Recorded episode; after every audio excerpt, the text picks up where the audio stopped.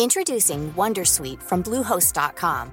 Website creation is hard, but now with Bluehost, you can answer a few simple questions about your business and get a unique WordPress website or store right away.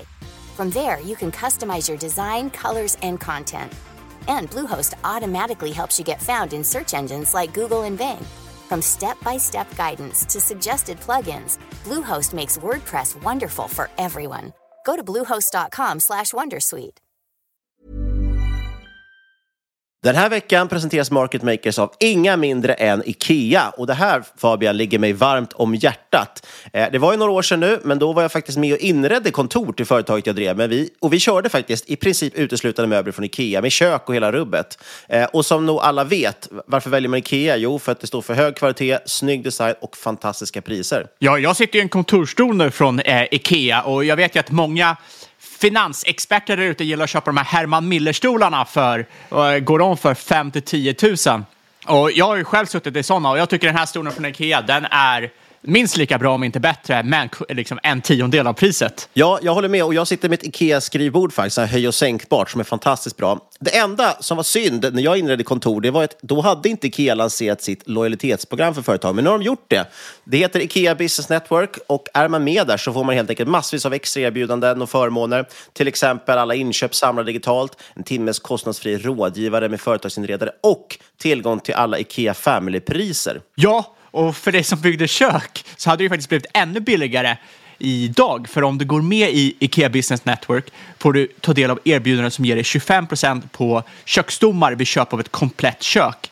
Och den rabatten hade ju sparat dig många, många tusenlappar. Verkligen. Och du som lyssnar, du har ju chansen att ta del av det här. Om du går in på ikea.se företag så kan du läsa mer om vad Ikea kan erbjuda för just ditt företag och du kan gå med i deras lojalitetsprogram Ikea Business Network. Vi säger stort tack till Ikea. You don't need a lot of brains in this business. I mean, I've always said if you got an IQ of 160, give away 30 points to somebody else because you don't need it in investments. What you do need is emotional stability. very first tech IPO, and it's a big one. Stock market hit an all-time record high today. a crash is coming. Now, whether it's six months from now, 12 months, 36 months, no one knows. There's a bear market about every five years. We've gone eight years without one. People have to realize this is the biggest IPO ever.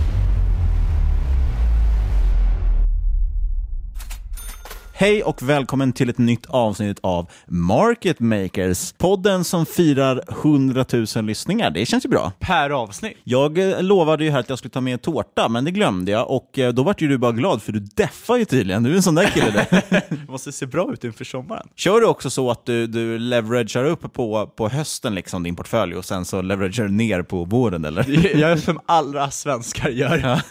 Väldigt hög hävstång på hösten. Maximera nyttan. Ja, okej, okej. ja. Eh, vad säger man? Eller skulle- nyttograden, jag vet inte ens hur man ska relatera det. Det är alltså en, eh, det är mot, multipel kontraktion just nu runt midjan som eh, Niklas eh, Andersson brukar säga. Efter en väldigt hög multipel expansion under hösten. Exakt. Ja, vi ska inte snacka om det, utan vi har med oss Per H Börjesson från Spiltan. En otroligt intressant eh, figur, kallas ibland för Sveriges Warren Buffett. Det var lite roligt, vi vi pratade lite, det var lite diskussioner på Twitter om just Spiltan och det har ju varit så, de, de har haft ungefär 70% av deras innehav, eller förlåt, ungefär 70% av Spiltans substans ligger ju Paradox, spelbolaget som vi har pratat mycket om. Och det är lite intressant, de har ju fått en del kritik för det, för att man då, en del tror att ja, men de har bara haft ett bett som de har haft jävligt mycket tur med, som har växt helt enormt. Så därför tog jag faktiskt med friheten att, att försöka räkna ut deras substansvärde och justera då Och det såg ju rätt bra ut. Ja, de snittade lite drygt 20 procent hade de. Jag räknade tillbaka ungefär åtta år. Jag tror att det var runt 2010 som de förvärvade Paradox. Och, eh, det såg faktiskt väldigt bra ut. Eh, som sagt, räknar man med Paradox, alltså deras faktiska substansvärde, så är det ju så att det har ökat med närmare 60 procent per år. Det är ju helt otrolig uppgång de senaste åtta åren. Eh, men även sagt, utan Paradox så har det ju gått väldigt, väldigt bra. Och då har vi inte dessutom räknat med, de har faktiskt delat ut till sina aktieägare också och lite sådana grejer. Men ja, den kan man gå in och titta på, att Aldén understreck Niklas på Twitter om man vill se den lilla grejen.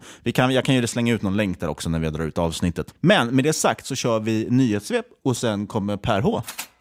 Det är många rapporter som har trillat in. Är det Ja. någon som du har haft extra koll på? Jag har tyvärr haft en extremt hektisk vecka och inte haft så himla bra koll. Om mina bolag så är det Plaid och Fortnox som har rapporterat. Plaid de tidigare sin rapport. Den skulle komma nästa måndag, men den kom istället igår. Vi spelar ju in det här tisdagen 24 april. Det släpps på torsdag den 26, det ska tilläggas. Men de släppte den 23 och eh, Plaids rapport såg helt fantastisk ut. Ändå backade aktien typ 5-6% vill jag minnas. Och det är ju bara för att förväntningarna är helt enorma. Men de visade högre vinst än tänkt. Omsättningstillväxten fortsätter vara extremt bra. Så jag vet inte, det, det är ganska de, de förutsättningarna jag har tänkt, haft innan på bolaget. Det har ju liksom rusat innan också den här rapporten. Så att det, för min del spelar det inte så stor roll att det föll tillbaka lite, även om det är såklart det är roligare att alltid tjäna pengar. Du har koll mycket på Fortnox också va? Det är ditt favoritbolag. Ja, Fortnox rapporterade också då och det var ju också jättefint. Tillväxtsagan fortsätter kan man säga. Eh, och de har fortfarande, de ökar kunderna väldigt bra trots att det brukar vara ett svagt kvartal i början på året. Överlag kan jag tänka mig, jag, jag vet faktiskt inte exakt, men jag kan tänka mig att det är väl ganska få som byter eh, bokföringstjänst mitt i när man håller på med bokslut. Men ändå har de ökat kunderna rätt rejält, de har ökat omsättning, vinst och så vidare. Eh, och framförallt ökar de sina marginaler. De har ju ett mål om att ligga på 20% i marginal. Och nu, jag tror att de landade på 26% eller något, så det var ju väldigt bra över målet. Så den gick ganska bra. Eh, men sagt, det är inget man ska räkna med varje kvartal, men det är ju ett tillväxtbolag och, eh, men, och ändå hyfsat bra värdering tycker jag. Då. Ja, det jag har haft koll på senaste tiden var främst Google som rapporterade igår kväll. Och de stack ju iväg med 4% after hours. Ja. För att nu vid öppning komma in på uh, minus 4%. Ja, det är så. så jag har faktiskt inte hunnit titta på det, på det idag. Eh, men det är lite intressant och det är ganska viktigt. Just de här stora fangbolagen, som de utgör så pass stor del av amerikanska index, så är det väldigt viktigt att hålla koll på hur de utvecklar sig. Och hittills verkar det som att rapporten i alla fall trillar in ganska bra, men som du säger så det är lite sura reaktioner ändå. Ja, alltså i det här fallet var det för en... De var tvungna att redovisa på ett helt nytt sätt. De var tvungna att räkna in lite vinster och förluster på sina equities eh, på vissa typer av investeringar, till exempel sin investering på Uber. Och det fick deras resultat att se ovanligt bra ut. Eller det var inte rättvisande. Ah, okay. så, de, då- de slog alltså EPS-målet, men, men det väl lite uppbuffade resultat så att säga. Det, ja, det var lite uppbuffade resultat, så det var väl några, några algotraders eller någonting som gled in där och köpte upp till 4% och sen insåg ah nej, det här var inte alls så bra som man trodde att det skulle vara. Nej, och, men det är, måste det är en jäkligt rolig period nu. Det är extremt mycket rapporter, man hinner ju inte med att beta av Det allting är helt tyvärr. sjukt när Axfood är vinnare på dagens börs. Ja, det är kul. Vi, vi pratade om det precis innan. Man tittar på dagens vinnare och förlorare. Normalt sett är det bara fyllt med aktietorget-papper liksom, som kan gå lite hej vilt. Härom, häromdagen var det ju, vad heter de, Freedesk gick upp 127 procent eller något sånt på en dag. Eh, men idag är det ju, liksom, eller de här perioderna så är det ju Att liksom Axfood kan vara uppe 8%, idag Cloetta är upp nästan 8%. Ja, och på andra sidan har vi, nu är inte det ett large cap-bolag då här för mig, men, men E-work till exempel back 8%. Du hade ju tur att du klev ur innan den rapporten, så det var ju roligt för dig. Men det, det är roligt, det är mycket svängningar och faktiskt Ericsson och Telia som rapporterade i fredags var det va, eh, kom in jättebra. Och det var lite synd, vi, vi sa ju förra att vi skulle prata telekom och det, Det borde det vi vi gjort. får. hade varit legender om det Ja, det skulle vi gjort och rekat de två. För att som sagt, Telia är intressant. De har ju sin eh, ganska stora investering. De hade Spotify, de har gjort bra vinst på. Eh, de har även börjat liksom komma ur de här tråkområdena de har haft. De har haft lite problem med Kazakstan och allt vad det är. Det är två bolag som kan börja bli lite intressant. Det är lite turnaround-case på något som börjar äntligen leverera lite grann. Så det var roligt. Så jag, både Telia och Ericsson har ju klivit upp nu på de bolag som har levererat bland de bästa i år på Stockholmsbörsen. Och det är lite ovanligt. Men det är kul, så heja folkaktier. Ja, Tele2 gick ju också bra. Telekom, kul, kul grej. Men som sagt, det är roligt i alla fall. Det är väldigt mycket rörelse på börsen just nu. Det är väldigt hög volatilitet och eh, ja, det är ju roligt. Ja, och en annan börs som också rör sig jäkla mycket, det är ju kryptobörsen. Ja. Ju ska, jag- ska bara säga en kort sak, bara skicka med ett tips för de som är kanske lite ovana. Det är att det är ganska viktigt att man håller lite is i magen just för att det, som sagt, det kan bli ganska extrema reaktioner på de här rapporterna har vi märkt nu. Och då kan det ju vara bra ändå att om man, om man i alla fall är fundamental så, så att titta på värderingarna fortfarande och titta Äh, på det har de hört siffrorna. överallt. Is i magen. Ja. ja, men krypto i alla fall. Precis, det har börjat återhämta sig. Bitcoin är över 9K. Det man ser är väl att market capet för krypto är över 400 igen. Ja, du ser, du ser. Det har börjat återhämta sig. Jag, jag, sålde ju 425 på, faktiskt. jag sålde ju på botten. Ja, du gick in i... Du, för att vi, du och jag hade extrem tur förra året då vi klev av lite, eh, man kan väl säga att vi klev av på toppen. Och sen hoppar du in nu igen i någon gång nu under våren och sen fortsätter det falla lite. Ja, så det har varit väl en halvtråkig affär och lyckats pri- prick, precis pricka botten i princip. Och sen så har det dragit iväg en typ 30 procent. Men, men som tur det var ingen stor storlek utan det är bara lite med att jag har ju varit lite bullish och pratat om bitcoin och då känns det som att då borde jag äga lite också. Det är lite det här med, vi pratade också om med, Taleb och hans skin in the game. Man borde ha put your money where your mouth is. Så det absolut. Sen tycker jag att det är lite jobbigt när, när i stort sett alla utvecklare inte alls förstår återhämtningen för de tycker fortfarande att det är hö för höga priser. Eh, om man jämför till exempel, nu har inte jag haft koll på, men den, på de senaste månaderna, men det finns en kryptovaluta som till exempel heter Cardano. Liksom, senast jag kollade, och det kanske var i december, då hade de ingen fungerande produkt, de hade bara en, liksom, en skiss på det. Och de är i dagsvärdet, eller i dagsläget värderade till 7 miljarder dollar. Och det är väl ungefär som Skanska. Och det, det är ju helt, helt orimligt, och det tycker alla utvecklare också. Men så finns det de här spekulerarna, och det finns så mycket retail-investerare. Men det- de, ja. som, jag, jag vet inte, känns, känns som så sjukt giftig miljö. Ja, men vi har ju lite sådana tider också. Det, det är ju som det här, det finns ju ett bolag som heter Enorama Pharma, eh, svenskt bolag som tillverkar någon form av tuggummi och eh, det, den aktien har ju rusat över 1700 procent på ett år eh, och de har fortfarande inte sålt, elten, sålt ett enda tuggummi. Så jag menar, det, det finns alltid sådana bolag och sådana produkter så att säga som, som hoppar lite hipp som happ. Däremot något som vi har haft lite rally som är- där är, där är också lite skin in the game, det är ju råvaror, det är kul. Både oljan, även vart starka rörelser i kakao, vete, lite grann, eh, några sådana råvaror och framförallt är det lite kul att det varit, eh, delvis att det är reella tillgångar överlag, liksom råvaror och sådär, men också att det varit lite mjuka råvaror. Det har vi pratat ganska mycket om och nämnt flera gånger. Eh, så det är lite kul också att det, det börjar betala av sig och äga dem nu. Sista vi ska ta på nyhetssvepet, vi försöker hålla nyhetssvepet lite kort eftersom det blir som vanligt det blir en ganska lång intervju och eh, vi har också fått märkt lite så att när folk vill lyssna på en intervju med till exempel eh, Per eller vem vi än har med så är det ju inte vårt nyhetssvep kanske vill höra, men vi vill ändå ha med det så att vi kör det i alla fall. Och det sista vi ska säga då är en annan tillgång, det är amerikanska tioåringen. Statsobligationer. Den är uppe och leker runt 3%. Ja, den har till och med lyckats ta sig över 3% nu om än marginellt. Och det är lite intressant, för det finns ju då vissa förståsigpåare som menar på att det finns en kritisk gräns då när statsobligationernas räntor når den, eller tioåringens räntor når den, då kommer det smälla rejält på börsen. Sen är det en del som säger att det är 3,05, någon annan säger 3,50, någon säger 4 så vi får väl se. Jag tror inte att det riktigt är så skrivet i sten att när vi når en viss procent så smäller det, men det är som sagt, det blir lite läskigt när det, när de, när det börjar komma Oavsett så är det en temperatur på börsen. Om man jämför med några år sedan då, då man eh, låg och svävade kring nollan. Ja, och då kommer man inte rädd, för det som var, det är alltid så på börsen, har man, ju- eller på marknaden överlag, man har alltid ett narrativ hela tiden som de flesta springer efter så att säga och följer. Och det är väldigt viktigt och intressant att förstå sig på det, i alla fall om man handlar lite kortsiktigt. Då. Och narrativet i höstas var ju det här TINA, there is no alternative. Du får så pass dålig avkastning om du äger Jag tror statsobligationer. det till och med förra, förra hösten va? Är det så länge sedan? Börjar vi bli så gamla? Nej, dålig koll. Mycket, Ja, det alltså, kanske är allting, så. känns, det känns, allting känns så hoptryckt nu för tiden.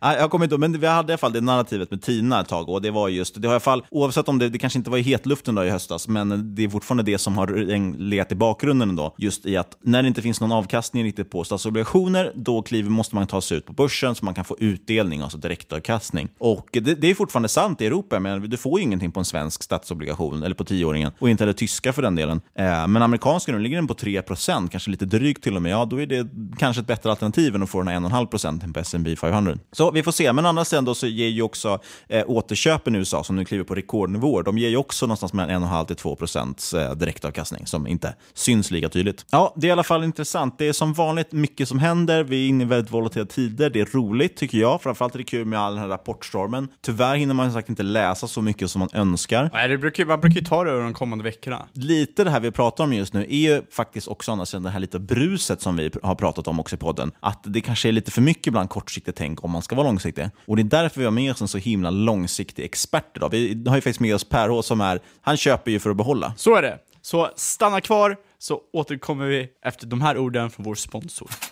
Och vi sponsras återigen av den trevliga schweiziska banken Fontobel, en professionell motpart som erbjuder börshandlade produkter hos din nätmäklare. Denna vecka vill vi nämna deras gånger 18-certifikat. Det är alltså ett certifikat med 18 gångers hävstång för den som vill få rejäla rörelser även med lite mindre insats. Ja, och som vanligt ska man ju vara väldigt försiktig när man hamnar i hävstång. De har även andra produkter om man inte gillar det, men det kan vara ett alternativ. Och det finns givetvis både som bull och bärcertifikat. Du kan alltså spekulera upp och nedgång på de flesta stora index, råvaror och aktier. Sök på kortnamnet FON för att hitta Fontobels produkter. Tack Fontobel! Stort tack! Då säger vi välkommen till podden, Per H Börjesson. Tack så mycket. För de som inte känner till dig, vem är du? Ja, jag heter Rob Herr och är VD för Investment AB Spiltan. Eh, som en liten, startade som en aktieklubb för 30 år sedan och nu är vi då ett investmentbolag som håller på med onoterade och noterade eh, aktier. Och vi har ett fondbolag som heter Spiltan Fonder som har bara noterade aktier och även med i Peppins då som håller på med equity crowdfunding. Men ni startade som en liten aktieklubb och nu är det ett miljardbolag. Hur, hur skedde den resan? Ja, det har ju tagit 30 år så det, det är ju inte för de första tio åren var vi glada amatör, amatörer och köpte och sålde aktier. Men sen 1997 då har jag jobbat heltid med det. Eh, och vi har ju börjat med att köpa först fonder och sen saminvestera med lite affärsänglar och sen har vi börjat nu med minoritetsposter i onoterade bolag. Och sen har det då växt i och med att, att ett av våra bolag det är framförallt eh, Paradox, dataspelsbolaget Paradox som har gått från 60 miljoner i omsättning till 700 miljoner i omsättning som varit den stora succén. Så nu har vi ganska mycket noterade bolag och sen Spiltan Fonder startade vi 2002. Det är också en stor succé och Peppins eh, alternativa aktiemarknad startade vi också 2002. Så att det, men eh, huvudfokus just nu det är att hitta mer minoritetsposter i onoterade bolag som vill ha eh, tillväxtkapital eh, och ha eh, ja, hjälp med kompetens, kunnande och kapital. Då. Hur ser den fördelningen ut? För ni har ju haft, som Paradox har ju noterat till exempel. Ni hade ju en liten post i ett annat noterat bolag. Hur ser den fördelningen ut? Varför vill ni vara onoterade? Eller ha onoterade bolag? Ja, det är ju, är ju faktiskt så att onoterade bolag eh, kan man ju köpa billigare om ett bolag på börsen nu kanske kostar 50-20 gånger vinsten eller Paradox är ju till och med över 40 gånger vinsten. Så kan man köpa onoterade bolag kanske med 5 eller 10 gånger vinsten. Om man då lyckas både med tillväxtresan, att de, att de ökar vinsten och sen att de får en högre värdering om man noterar det. Då är det, ju, det är ju ett enklare sätt kanske att, att skapa meravkastning är att eh, köpa onoterade bolag. Men så det egentligen handlar bara om värderings, att det är lite billigare på den onoterade marknaden? Ja, sen är det ju då nackdelen är ju att det är likvida tillgångar, man måste vara mer långsiktig. Eh, men det går ju att hitta, göra fynd också också på börsen så att säga. Men det, det, är mycket svårare i och med att det är så många mer som, som eh, analyserar börsbolagen. Men med ett onoterat bolag då kan ju Spiltan, i och med att vi köper för att behålla, vi har ingen exit-strategi, ja då är vi ju ensamma med entreprenörerna. Då hamnar vi i en position som är ja, att, att få ta på bolagen billigare och kanske hjälpa bolagen eh, på ett bättre sätt. Hur går tankegångarna när ni ser ett nytt case eller när ni har ett nytt case på gång? Vad är investeringsfilosofin där? Ja, vi har inget branschfokus utan det viktiga är ju då entreprenörer. I och med att vi köper minoritetsposter, ja då är det otroligt viktigt att vi har rätt entreprenör. För vi, om, om entreprenör äger majoriteten, då till exempel byta vd blir svårare då. De vill inte, helst inte avsätta sig själv till exempel. Va? Och, och vi kan inte belåna innehaven, det är en annan nackdel. Men om vi hittar rätt entreprenör, ja då krävs det mindre centrala resurser. Och sen är det ju då, man tittar på vad är det som ger tillväxt, är en viktig faktor. Eh, och vad är det för affärsmodell givetvis och, och hur, hur, skapar man värde i det här bolaget. Men vad, vad liksom märker en bra entreprenör från en dålig entreprenör? För det kan jag tänka mig, det kan vara väldigt subjektivt och svårt att förstå som utomstående. Ja, det är ju det som är det svåra förhoppningsvis. Då, när vi har hållit på med det i, i 30 år och man, man, har sett många olika case och liksom ägarsituationer och affärsmodeller. Att, att vi har, har den i, en känsla för, för vad som slår. Men sen är det alltid osäkert och man går alltid på miner. Hur mycket tittar ni fundamentalt? Hur mycket sitter ni och räknar och så? Är det väldigt mycket fokus på den här personkänslan liksom för entreprenören och så? Ja, det, framtiden är ju alltid osäker så att de här, man får ju sådana här fina prospekt med fina hockeyklubbar som ska sticka, sticka iväg om, om två, tre år. Det är alltid, så det ger egentligen inte så mycket utan då är det bedöma, eh, ja, allting tar längre tid, och kostar mer pengar, det är en sån här grundregel. Så då är det mer, är det en duktig entreprenör som kan byta affärsmodell och finns det tillväxtmöjligheter eh, eh och så vidare. Sådana saker som vi tittar på. Men så är det bedömning av personen då. Eh, och eh, eh, känsla för Men sen gör man ju ofta misstag att man kanske spenderar för mycket tid på entreprenörer och man blir alltid entusiastisk och tycker fantastiskt duktig kille. Så kanske man skulle viktigt att man även lägger tid och tittar på branschen och, vad är de förutsättningar i, i den branschen som finns. Hur kan man föra över här tänka till en, en mindre av en retail-investerare, en vanlig småsparare som kanske har tillgång till börsmarknaden och man har tillgång till ja, till exempel Peppin står lite mer onoterat. Man har inte samma, samma utbud tänker jag. Hur ska man tänka där? Kan man överföra den här strategin på något sätt? Ja, det viktiga är ju, jag har ju skrivit en sparrebell om det här, just att man, om man har 100 då kanske man bara ska investera 10-20 i den här typen av bolag i och med att det ändå är hög risk och de är illikvida. Och de 10-20 kanske man ska ha 20-30 bolag. Och det är just nu med equity crowdfunding som Peppis att man kan investera lite i varje bolag. För, för det visar ju statistiken att 10% av bolagen står för 90% av vinsten. Som de säger ja, den där ska inte jag investera, i. då kanske det är den som blir den stora vinnaren. Så man då investerar lite i varje bolag tror jag modellen.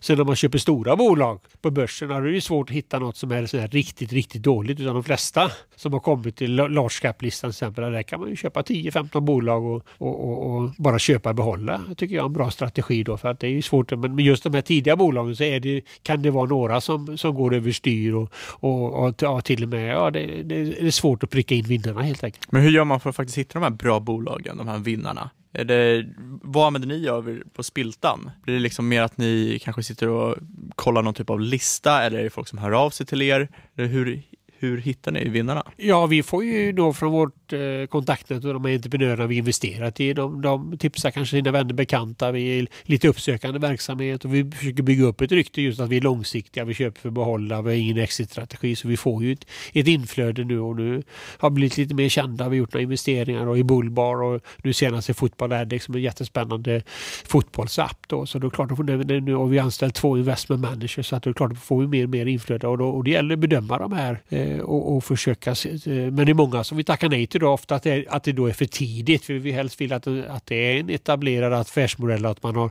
sålt och man har, har en omsättning och man inte liksom eh, inte för, tidiga faser och kanske kommer till 10-20 miljoner omsättning är våran. Det är vad vi letar för då när det gäller att få expansionskapital. Om man spårar tillbaks bandet lite då till den aktieklubben igen. För då tänker jag att då var ni väl ett gäng kompisar, ett gäng studenter som investerade i bolag på börsen. Och hur, har liksom, hur var den investeringsfilosofin hade då? Hur har det utvecklats fram till det som är idag? Ja, då lärde vi oss till exempel i på 80-talet var det ju bra tider. Då köpte vi sålde aktier då från 86 till 89 så konstaterade vi startade med 200 000. Efter tre år hade vi fortfarande 200 000 kronor.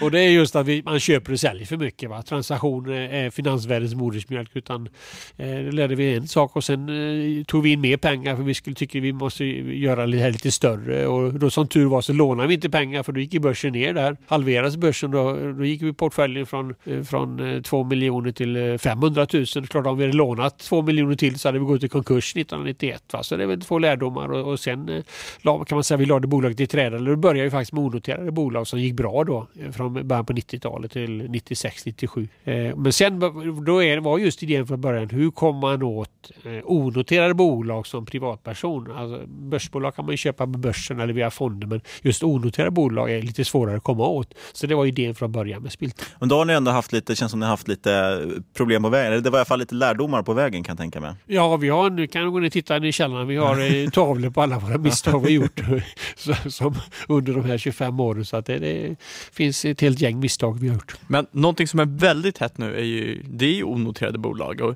du kan ju få en bättre avkastning. Ni har ju startat Peppins. Varför, vad, för, för, eh, för det första, vad är Peppins och eh, varför är det intressant? Ja, Peppis är ju dels är det en marknadsplats. Det var den vi startade 2002 som en marknadsplats för onoterade bolag som inte vill vara på börsen. Och, och sen gick vi samman med Peppins konceptet som är equity crowdfunding. Och det är just att man sammanbinder kraften av, av pengar med många aktieägare. Och så lägger vi de här aktieägarna i ett separat holdingbolag. Och då får man då fans, till exempel Alvesta glass är en stor succé. Då får de ju nu tusen delägare. Så de går och köper Alvesta glass istället för Sia glass och en ICA-handlare som är kund går och, eller som är aktieägare går och puttar undan de andra glassarna för att få, få bättre exponering. Så då, då får man ju kraften av att ha många fans och, och aktieägare samtidigt som man får, får in pengar. Det är ju idén med, med equity crowdfunding. Vad blir fördelen för småspararen jämfört med att köpa på börsen? Ja, och det- sen lägger vi dem då i ett, i ett, eh, i, i, ett aktiebok på nätet. Va? Så det är lägre kostnader och, och man då kan investera bara 500 kronor till exempel. Men det viktiga är ju att det svåra med onoterade bolag det är vad är, det, vad är värdet på aktien. Man tror ju ofta då 5 kronor är billigt. Spiltan-aktien som kostar 10 000 kronor är jättedyrt då. Och att man psykologiskt, men man måste multiplicera priset med antalet aktier. Man köper alltid en andel av ett bolag och det missar många då. Och då är det klart att då är det, är det här bolaget värt som är ny, nystartat eller onot, är det värt 10 miljoner eller 100 miljoner? Eh, Och, då är det, och det misstaget tror man ofta gör att den här idén. Eh, jag träffade till exempel en, en, en eh, aktieägare igår som hade gått in i ett bolag, nytt bolag som omsatte 3 miljoner. Så var det 50 miljoner i bolaget. Men det var inte det dyrt säger jag. Liksom. Varför, ja, då hade de fått massor med priser och var jätteduktiga i det här bolaget. Då. Då. Men, men från mitt perspektiv, ett bolag som omsätter 3 miljoner förlorar pengar. Mm. Ja, det är inte värt 50 miljoner. Men ändå hade han och några andra ganska proffsiga investerare tyckt att ja, det har så stora framtidsutsikter att det är värt 50 miljoner. Och, och då stoppa in kanske 5 eller 10 miljoner. Det, det, tror jag är det vanligaste misstaget man gör. Att man betalar för mycket för framtida idéer istället för att köpa ett stabilt lönsamt bolag som redan finns på börsen. Så jag vet att du är väldigt eh, intresserad av Warren Buffett också och följer honom väldigt mycket. Just det. Hur, hur kom du dit? Eller hur upptäckte du honom och varför fastnade du där? Jag hade väl hört namnet någon gång bara på 90-talet. Då var han inte så känd och jag läste faktiskt på samma universitet som han i början på 80-talet i, i New York. Men det var ingen som talade med filmer utan då kom det en, en, eh, en den första eh, och faktiskt fortfarande tycker jag en av de bättre biografierna kom 1996 då, eh, Making of an American Capitalist av, av Roger Löwenstein. Så köpte jag den här boken och jag tyckte alltså det här såg jag ljuset, det är så här man ska göra, man ska köpa, behålla, vara långsiktig och, och, och sen dess har jag försökt följa de här principerna. Introducing Wondersweet from Bluehost.com. Website creation is hard, but now with Bluehost, you can answer a few simple questions about your business and get a unique WordPress website or store right away. From there, you can customize your design, colors, and content. And Bluehost automatically helps you get found in search engines like Google and Bing. From step-by-step guidance to suggested plugins, Bluehost makes WordPress wonderful for everyone. Go to bluehost.com/wondersuite. Men det har ju tagit eh, 20 år att bli hyfsat bra. eh, enkla, liksom det är köpa, behålla, bra bolag, affärsidéer du begriper och som har ärliga ägare. Det låter ju jätteenkelt men det är otroligt svårt att ha karaktären. Tror du att Spiltan hade varit det där idag om du inte hade hittat den här boken? Nej, det tror jag kanske inte. Utan det är, ju, det är lite om det är det imageskapande också. Vi kanske med Warren Buffett och vi försöker bli duktiga hela tiden på det här. Men, men vi, vi gör ju lite, till viss del kan man om man är för sträng så att säga, bara lönsamma bolag och liksom man, man, man gör... Det är alltid någonting när man får tillfället som kanske gör att det är en möjlighet och då, då eh, är, det, är det svårt att hålla på de här principerna. Men vi, vi försöker bli, bli bättre på det och se den här möjligheten. Vad är de vanligaste fallgroparna om man, om man går i de fotstegen så att säga? Ja, köpa behålla. Ja, det är ofta man, man säljer, eh, det är ju som trädgårdsmästaren, eh, man, man, man, de här blommorna som har stigit upp i himlen, de hugger man av, säljer de bästa aktierna eller så går man och vattnar de här eh, ogräset, de som har gått dåligt. Det är ju ett vanligt misstag. Eh, att bolag ska vara lönsamt, ja, det är ju de här, alla de här förhoppningsbolagen är inte lönsamma men ändå hittar man en fantastisk entusiastisk entreprenör som ska förändra världen. Ja, kanske jag ska eh, satsa på honom trots allt och, och, och, satsa pengar på honom. Så det är massor med, och det här med ärliga människor, att man verkligen gör referenskoll på, på vilka individer man, man eh, går samman i. Många lyckosökare som vill ha in pengar eh, som man kanske inte tänker på. Har du märkt någon skillnad där? För jag tänker nu när vi har ett väldigt lågränteläge, det är ganska billigt ändå att få in kapital i, i bolag. Har du märkt någon skillnad sen ni började och idag på hur, hur mycket seriösa mot oseriösa bolag det är och så vidare? Och om det är högre värderingar på onoterat och så? Nej, men det var ju en boom där 99-2000 då med internetboom och alla skulle hålla på med samma saker. Då är klart att då, då betalar vi också för mycket för, för bolag och det är ju lite kan man säga samma tendens nu då de sista två, tre åren att alla tycker det är spännande spännande och vill vara med i onoterade bolag. Och då blir det ju höga värderingar och, och om man tycker någon, någon kändis har investerat eh, två miljoner i några bolag till höga värderingar. Så tror man då att, att de där har mer koll än, än andra men ofta betalar även de för mycket pengar. Eller Zlatan har nu så läst tidning idag han har fått någon stor andel i något eh, spelbolag för att och då tror alla andra att nu kommer det gå till himmel men det är ju inte alls säkert att, att det gör det bara för att Zlatan äger 30 procent av bolaget. Ja, det känns som det blev väldigt populärt sina sidor att kanske man går ut med Zlatan och GW Persson äger en aktie eller har köpt en aktie och sen ser man dagen efter att kursen eh, raketar iväg. Vad, vad, tycker du om det? Att man sätter in någon typ av social Ja, men det, det säger ju inget om värdet egentligen utan bara för att de kanske har köpt aktier billigt och, och, det, och det är just vad är värdet på bolaget så att säga. Pris är vad, är vad du betalar och värde vad du får. Va? Då glömmer man ofta bort vad är, vad är värdet på det här bolaget och den här, den här idén. För det jag, kan tänka, jag, jag kan väl säga att det kanske känns lite moraliskt fel att man sätter någon som kanske är någon typ av idol för människor, att de försöker håsa upp en aktie. Jag vet inte vad Niklas, vad du, vad du tycker om Nej, det? och framförallt tänker jag på, som vi tar Zlatan som exempel, då, så har han antagligen inte betalat för sina aktier. Eller kanske en del då, men han tänker att hans, han har väl så mycket goodwill på sitt varumärke, så att det betalar väl av sig hans aktier också. Jag vet inte hur, vad, vilket värde det har egentligen. Nej, men så, så är ju människor att vi liksom går på, går på enkla tricks så att säga. Men du tycker ändå du, du upplever att det har blivit dyrare, eller är det bara vissa typer av bolag kanske som onoterade som har blivit dyrare? Nej, men nu senaste åren är, är det ju en, en hög värdering och liksom det finns mycket pengar för folk har tjänat pengar på olika sätt och det finns mer eh, folk som har sålt sina bolag och sådär. Så att det kan man nog säga generellt sett att det blir dyrare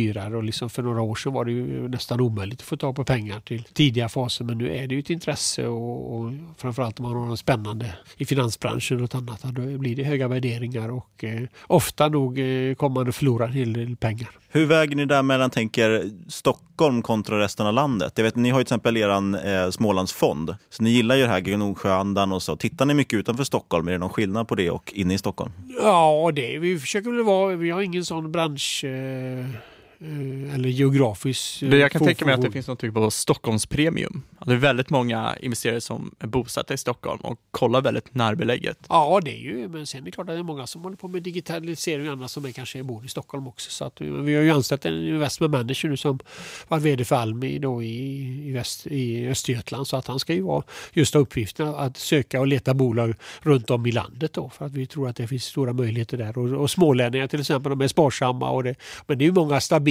lönsamma bolag. Va? Och det är klart att generellt sett så är det kanske man betalar betalar eh, för lite för den typen av bolag som har lönsamhet och som har en historik kontra det här förväntningsbolaget som ska tjäna massor med pengar om tre fyra år. Ja, det där kan jag men just överlag är det ju tillväxtaktier om man tittar på börsen också är det som verkligen har gått väldigt, väldigt fort så att säga, eller gått upp väldigt mycket. Och det är väl just därför att folk vill ha den här stora potentialen istället för att titta på de stabila kassaflödena. Men eh, hur mycket följer ni börsen idag? Eller hur mycket följer du börsen idag? Eh, ja, jag har ju en eh, investment manager som jobbar ganska mycket med börsbolag. Så vi har ju gått igenom alla, alla mindre bolag. Så vi kan ju tänka oss att ta eh, långsiktiga positioner även i noterade bolag. ett sådant exempel är Guy Langeo på, på NGM Equity som, som vi tagit en lång, långsiktig position där vi är största ägaren tillsammans med Chiffonjen som är ett investmentbolag från, just från Småland. Då. så det tittar vi på några sådana case och då blir det lite grann alltså under låt oss säga 500 miljoner i börsvärde. Där finns det då dålig likviditet om du köper 10-20 procent i den typen av bolag och det blir mer som att köpa ett onoterat bolag. Mm. Så det där, det där håller vi på att titta och, och kan vara intresserade att ta mer positioner. Och sen har vi ett antal eh, lite större likvida aktier då som vi, som vi kan tänka oss kanske att sälja om, om eh, vi hittar något mer spännande onoterat. Då. Till exempel SCA köpte vi innan delningen och där har vi ökat. Då hade vi både en stabil skogsverksamhet och STT som då håller på med stabila fina varumärken. Så att vi, det går liksom och då klart få, få den typen av bolag förhoppningsvis mycket bättre avkastning än om vi skulle haft pengar i, i, i några av våra Spiltna fonders räntefonder. Som vi också har i och för sig. Och hur kommer det sig att ni tittar på de mindre listorna? Eller är det bara för att man kan ta en större position där? Eller finns det någon annan tanke? Nej, det är ju fler. Det är ju samma som alternativa listan då, där Spiltan handlas. Där finns det ju 25-tal eh, bolag som ingen, det följs inte av analytiker. Man handlar bara en gång i månaden. Så där har vi gjort ett antal. Där tittar vi på alla bolag och vi har, vi har eh, lite större positioner. Till exempel Garbco är ett bolag där vd finns i Linköping. Där har vi, äger vi 10 procent och där har vi också ett bolag som har köpt under många år. Så det, vi, ju, ju, mindre en list så att säga, då finns det mindre analytiker och det är mest mm. privatpersoner. Där. Då, då går det att hitta bolag som, som blir bortglömda och som inte, ingen är intresserad av. Så det tycker vi är spännande med det. Men det, samtidigt är det ju liksom det är många eh, höga värderingar och, och, och, och kanske lite, eh, ja, inte lurendrejare, men lite folk eh, som, som vill ha in pengar bara. Va? Så, så det finns sådana exempel. Så man måste vara mer kunnig tycker jag då. Alternativet är att man köper lite i varje bolag. Ja, då, då, då, kan man ju förlora 500 kronor, 1000 kronor. Det spelar inte så stor roll. Men ska man ta stora positioner, det är ju ofta ett misstag att man har någon, någon granne kommer och säger jag har ju jättebra bolag, ska du inte satsa 50 000 kronor på det? Bara för att alla andra grannar har gjort det. Men det är inte alls säkert att det är en bra placering. Och det är kanske bättre att satsa 1000 kronor i det bolaget. För det var inte lönsamt. Men ändå gör man det för alla andra i kompisgänget har gjort det. Jag tror att det var ett misstag också. om vi spolar tillbaka lite men fortfarande håller kvar vid onoterat. Eh, du nämnde Alvesta Glass och vi fick en fråga på Twitter. Varför gick inte Spiltan in i Alvesta Glass när det skulle noteras på Peppins? För det har ju nästan blivit lite av en poster child för Peppins. Eh, ja, vi har som policy att när det gäller, i och med att vi är största ägare i Peppins så, mm. så, så, köper vi alla bolag. Mm. Eh, så, så, vi köpte lite, men vi köpte för lite kan vi mm. konstatera då i, i och med att det gick så bra. Och det var faktiskt vi som hade första kontakten med, med Alvesta Glass och tyckte vi, vi hade en diskussion i Spiltan men så var, kom vi inte lite överens. Och så, men ska ni inte gå till Peppins? Va? Så det var faktiskt vi som... eh, Så det var ju en dålig analys av, av, eh, från oss på Spiltan då, att vi inte köpte mer i Alvesta glass, håller jag med. Ja, så ni, så ni gick faktiskt in, men inte tillräckligt helt Just enkelt. Ja. Eh, jag tänkte på, hur, hur ser du på börsen just nu? Då? Det vore kul att höra din, din nu, synen just nu på börsen, hur du tycker att det ser ut. Ja, mitt standardsvar är att eh, aktierna de går upp, ner är lika.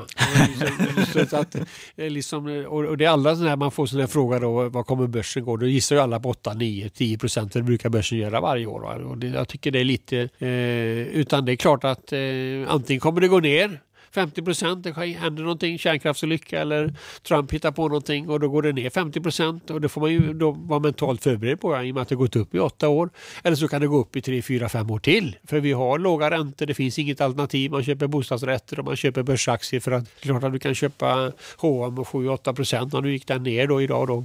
Men, men, så det blir, blir, blir kanske var, var kortsiktigt dålig affär. Men så att jag, utan det, jag tycker man ska se vad jag, om du behöver pengar till att renovera huset eller åka på semester i sommar. Då ska du inte ha pengarna på börsen utan då ska man ju ha och så ska man då vara mentalt förberedd tycker jag. Att någon gång varje år kommer det någon sån här 10-50 procent i nedgång. Så är alltid, ja det var samma nu i januari var det ju nedgång och nu då och, har, har det gått upp igen. Och, och, att det också kommer att komma en, en, en sån här smäll igen då på, som vi såg senast 2008 att börsen går ner 50 procent. Då måste man vara mentalt förberedd på det och då kanske ha lite pengar i, i kassan så man kan köpa mer aktier. Men, men, och så hävdar jag också att här med timing. Det är problemet är att du måste ha två korrekta beslut. Du ska gå ur rätt och sen ska du gå in rätt. Men jag kommer ihåg själv hur, hur, hur mådde man då i oktober 2008 när liksom, det var värre än 30-talet och det var, var liksom hela Svenska Dagbladets eh, första sida var svart. Nu har krisen kommit till dig. Va? Jag var inte så jävla kaxig. Även om jag eller, trodde nu måste det vara köpläge. Men det hade vi inga pengar i Spiltan för vi hade investerat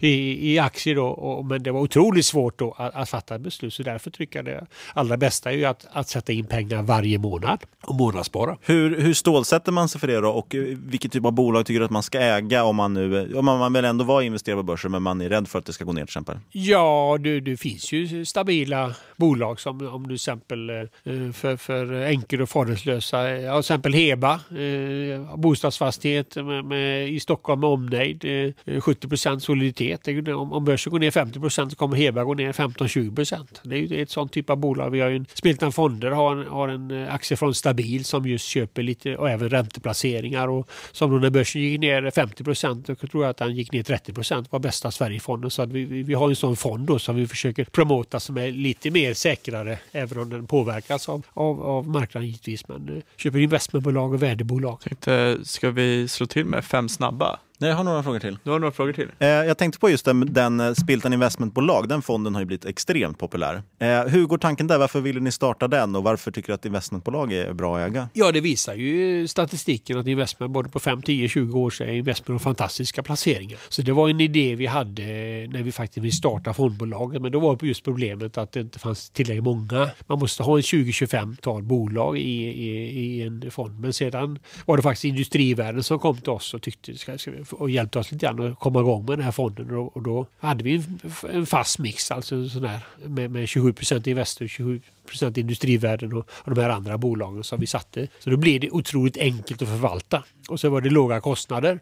Men det är klart att nu är det ju framgång med, med nästan 8 miljarder. Men det är klart att om det hade gått ner då hade det varit en, en lång ökenvandring så att säga. Så det var en risk att, att starta sån här fond. Och sen är det så enkelt så du kan göra det själv. Men just om du ska månadsspara är det ju en fantastiskt bra placering att eh, 0,2 procent av den har ju faktiskt slagit index. En indexfond som går över index är ju lite unikt. Men det är just för att en investmentbolagen har, är aktiva ägare eh, och rabatten har minskat generellt sett. Eh, och ofta, ja, Kinnevik gick upp, gick upp 100 procent ett år. Ja, då 10 procent Kinnevik, ja, då sticker ju fonden med 10 procent mer än alla andra fonder. Och, och, och generellt sett har ju Latour och alla investmentbolag har ju gått mer eller mindre bra. Vad tycker du om att det är så många investmentbolag som handlas till en premium nu för tiden? Ja, det är ju då att det blivit, och det har ju han, Bråse har ju anklagat oss för att vi köper de här bolagen även om de Eh, har en premium då. Och det är klart, men det är en ganska liten del av fonden. Jag tror att det är bara 15-20 procent av de investmentbolag som finns i investmentbolagsfonden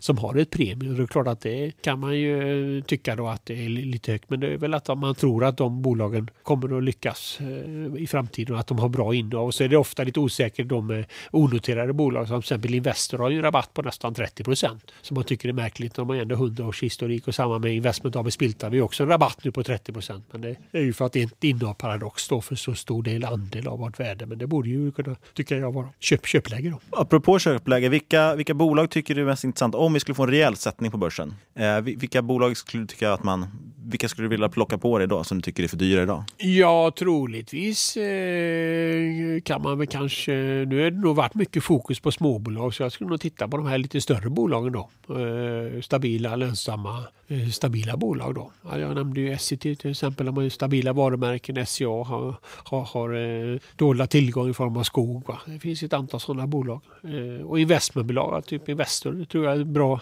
fantastiskt bra långsiktig placering. Eh, hur ser du på obligationsmarknaden just nu? Obligationer, eh, rekordhögt värderade, räntan på väg upp, börsen skakig och i sådana tider brukar man ju oftast köpa på sig lite, lite obligationer för att hedga mot aktierna. Men om räntan höjs så kommer ju obligationer falla också. Hur ser du på obligationer just nu? Ja, det är, man har höjt räntan i, i, i, USA då, så det är klart att det är troligt att det följer. Frågan är bara när då. Mm. Uh, och uh, vad man kan göra då, det är ju att köpa sådana här floating rate notes. Uh, som, vi har ju en, en högräntefond i spilta fonder och då, har, då, då är man inte så påverkad av att då följer ju den här avkastningen när räntan går upp. Då blir man ju inte så påverkad. Om du har fast ränta och räntan stiger, då sjunker de i värde. Och det är ju ofta, tycker jag, en risk med, med preferensaktier. Att om de är eviga så att säga, om räntan kommer att stiga då kommer de att sjunka i värde. Jag tror att det tycker jag man talar ganska lite om med just att du har den här ränterisken i, i preferensaktier. Mm. Överlag känns det som en preferensaktie att man tar nästan samma bolagsrisk men du får inte vara med på uppsidan i ett bolag. Jämfört med om du äger stamaktien tänker jag. Nej men så är det väl. Eh, du har ju inte alls samma, samma säkerhet som de, om du köper en obligation. Nej precis och det känns som att det har blivit ganska populärt just för det är mycket utdelningsinvestering som har varit, börjat bli populärt i alla fall i Sverige tycker jag också. Och det är många som plockar in dem. Vi kör några snabba, bara spontana tankar om några grejer. Vad tänker du om guld? Uh, nej, det tror jag inte på. Varför? Är det som Warren Buffett säger, inga kassaflöden? Nej, men han, han gjorde ett, en liten kul grej där på eh, stämman. Han fick den frågan, liksom gör en, en, allt världens guld är 30 gånger 30 gånger 30 meter, en stor kub. Eh, och det värdet motsvarade då eh, liksom all åkermark i USA, 10 Exxon och så fick du över 300 miljarder dollar. Liksom, vill du ha den här kuben och stå och hoppa på den eller vill du ha de andra tillgångarna? Så det var ju hans svar på, svar på den frågan då. Bitcoin? Ja, det tror jag är ett scam också så att det, det skulle ju aldrig bli någon investering. Och framförallt alla de här, bitcoin kanske i och med att det är så stort men alla de här andra det var ju, som håller på att göra gör en egen valuta. Jag tror att det där kommer bli en eh, smäll liknande tulpankraschen på 1600-talet. Eh, där har vi en liknande grej, vi pratade om det här med kändisar. Var ju också, kommer jag läste till och med ett, ett, en recept på hur man lanserar en kryptovaluta och då är ju en del av det just att du ska ha någon kändis. Bland annat, du vet, Paris Hilton var ju inne i någon och sådär. Just det. Och det är, är lite varningsflagg av 50 Cent också. Eh, ta stoppen eller köpa dippen? Uh, köpa dippen. Och eh, tillväxt eller utdelningsbolag? Ja, tillväxt är bättre. Och den sista av de här frågorna, börsen ett år framåt. Det är lite mer öppen fråga. Vad tror, hur tror du börsen kommer se ut om ett år framåt? har gått in lite på det tidigare. Ja, vi har nästan avhandlat det, men du får svara en gång till. Upp, ner eller lika. Ja. Upp, ner eller lika. Då är vi nu överens. brukar alltid få rätt. eh, sista frågan då. Vilken är din bästa respektive sämsta investering och vad har du lärt dig av dem? Ja, den bästa det är klart eh, i och för sig om vi ska vara, jag brukar ju säga att det är en, en drink till baren, i baren till min blivande hustru. Det är den bästa affären. Men klart ur spiltnat perspektiv så är det klart att det är paradox då, att vi vågade investera i det här bolaget. Vi gillar entreprenören och, och, vi, och dessutom att vi la då 10% av portföljen och sen då att vi har vågat, alltså styrelsen har vågat att, in, att sälja ganska lite då. Det är ofta, tycker jag, vanligaste eh, problemet, att man säljer bra bolag för tidigt. Vi har lyckats att, att stå emot alla försiktigpåare som säger att ni måste sälja, ni har för stor andel. Och eh, sämsta affären, om du ser ekonomiskt, det var väl något sånt här till, eh, tillväxtbolag i, i början på eh, 99-2000 där, där, eh, som skulle förändra världen och, och hette eh, Tilgin och i3 Micro som, som, vi sen, som börsnoteras och där vi till och med köpte mer aktier vid börsnotering. Men de hade bara en kund och den där teknologin de hade den slog aldrig. Va? Och där där, där satsar vi mycket pengar och, och satsar mer pengar. I, under. Och det är ju ofta, ofta ett vanligt problem att man har ett bolag som man tror på och det är eh, bra teknik, ja, då, då är det hemskt svårt att säga nej vi ska inte satsa utan man satsar hela tiden mer och mer och mer och i det här fallet så slog det aldrig. Men samtidigt är det bra att vara långsiktig också. I några fall kan de, bolagen vända men, men det, där var misstaget att vi gjorde, det var en kund som stod för stor del av omsättningen som inte, och då blev produkten lite felspesad och sen blev det inte, blev det inte bra då. Och vad, vad drog ni för lärdom av det? Eller vad drog du för lärdom av Ja, det är ju det här med, med just med tillväxtbolag, alltså med förväntningsbolag tar längre tid, kostar mer pengar. För vi försöker undvika det då. Det, det är väl lärdomen. Alltså man ska vara försiktig när inte bolag tjänar pengar och man lyssnar på den här eh, fantastiska entreprenören som ska förändra världen. Att det, det tar längre tid och, och kostar mer pengar. Men samtidigt är ju de här bolagen som är spännande och, och kan ge höga Ja, det är väl det som är problemet. Ja. Det känns som de flesta, nästan alla man har träffat som investerar på något sätt har ju gått igenom den där, åtminstone en gång. Förhoppningen, förhoppningsvis så går man inte igenom det två gånger. Utan man lär sig första gången. Mm. Innan vi avslutar, eh, vart kan man följa dig någonstans om man vill läsa mer av det du har gjort? Ja, ehm, man kan ju göra lite Twitterinlägg då. Eh, ett spiltan på, på Twitter då som vi försöker göra lite inlägg då och då. Eh, och sen är det ju, eh, har vi ett nyhetsbrev också och vi har, skickar ut sparrebeller sju, åtta gånger om året. Jag gör någon, liksom, någon liten analys och ska precis nu skicka ut en, en, en varför man ska köpa, sälja eller behålla Spiltan-aktier. Så är det lite i marknadsföring av Spiltan-aktier då som jag tycker jag har lite hög rabatt. Så att vi försöker vara aktiva och, och allra bästa sättet är klart att köpa aktier i Investment AB Spiltan och komma Mm. på vår trevliga årsstämma Jag, varje år. jag har faktiskt varit sugen på det bara just för årsstämma, för man har hört mycket om den. Ja, just det. Det är en bra idé. Vad händer på Får den man i en år? sån där cool keps då som det står “Make Space Great Again”? Ja, den har ju faktiskt fått, eh, eh, i och med att den blev för mycket Trump-inspirerad. det var ju en idé som Paradox hade, men så den, eh, den får du egentligen ha eh, bränt upp faktiskt. Det- Ah, okej, okej. Jag tyckte det var lite kul. vi lite får, man kul får någon parodi. present och man får, i, i år ska vi ha seminarium och vi ska ha frågor av VD. Vi ska dela ut ett pris till en entreprenör som gör något för andra entreprenörer och sen har vi någon formell stämma och sen är det lunch och mat och lite vin. Och så är vi försöker ha en trevlig och det är ju naturligt då när man har aktieägare som långsiktiga partners så man försöker ha en trevlig årsstämma man skickar ut en årsredovisning varje år. Så, där. så vi försöker vara, och det är ju våran kultur då i och med att, att vi kommer från ett kompisgäng så att säga och vi ser våra aktieägare som partners. Men bra, då säger vi stort tack. Tack så mycket. Tack för att du var med. Ja. Tack. Fan, grymt snack. Vad tycker du Niklas? Ja, det var superintressant. Perro är ju eh, verkligen en kille som är långsiktig. Det är också kul att få lite inblick i de här onoterade innehaven, även om de handlar en del noterat också. Så jag vill ändå, liksom, de här tankesätten och så som de har, är ju, går liksom att applicera på det också. Eh, som sagt, väldigt kul. Och de, jag tycker överlag, det känns som de bygger lite annorlunda typ av investmentbolag. Och det är lite kul, det är mer glädje och mer liksom fokus på att verkligen ja, bli, eller få aktieägarna att tycka att det är kul att äga det här bolaget. Så det är sp- spännande faktiskt. Vill man investera i Spiltan så kan man ju titta på den här alternativa listan som de äger. Där går det faktiskt att handla Spiltan-aktien och den har gått fantastiskt bra. Eh, och sagt, jag ska lägga ut den här, eh, en länk till den här också, uträkningen jag gjorde med deras siffror som Per har tittat på och eh, faktiskt eh, bekräftat att den verkar Finns se väl rätt korrekt utlagd ut. på din Twitter framförallt? Ja, men jag skickar, lägger ut en länk också så att, det, så att vi slipper folk kolla på och leta ibland, i mitt flöde, för det twittras ju alldeles för mycket där. Ja, det gör det faktiskt. Men som vanligt, vi kör en kort disclaimer. Inget hört i den här podcasten ska ses som rådgivning. Alla åsikter är våra egna eller vår gäst och eventuella sponsorer tar inget ansvar för det som sägs i podden. Tänk på att alla investeringar är förknippade med risk och sker under eget ansvar. Och stort tack till vår sponsor Fontobel. Och där gäller återigen samma sak. Alla investeringar sker på egen risk. Men är du intresserad av att handla med deras produkter finns de hos din nätmäklare. Det är en professionell motpart och du söker på kortnamnet FON, alltså V-O-N. Kontakta oss gärna på podcast.ipo.se eller på Twitter at marketmakerspod. Och man får jättegärna gå in, lämna en recension på iTunes på podden. Det vore vi jätteglada. Delvis är det superkul att läsa att folk uppskattar podden. Det gör att man liksom lägger ner ännu mer energi och tid på att göra bra innehåll. Eh, Vi kan ragga bättre gäster också för den delen. Vi har flera stycken på gång som är riktigt bra. Ja, och så vill vi också tacka vår samarbetspartner IPO.se. Och sist men inte minst, tack till dig kära lyssnare för att du har lyssnat. Vi hörs igen om en vecka. Tack!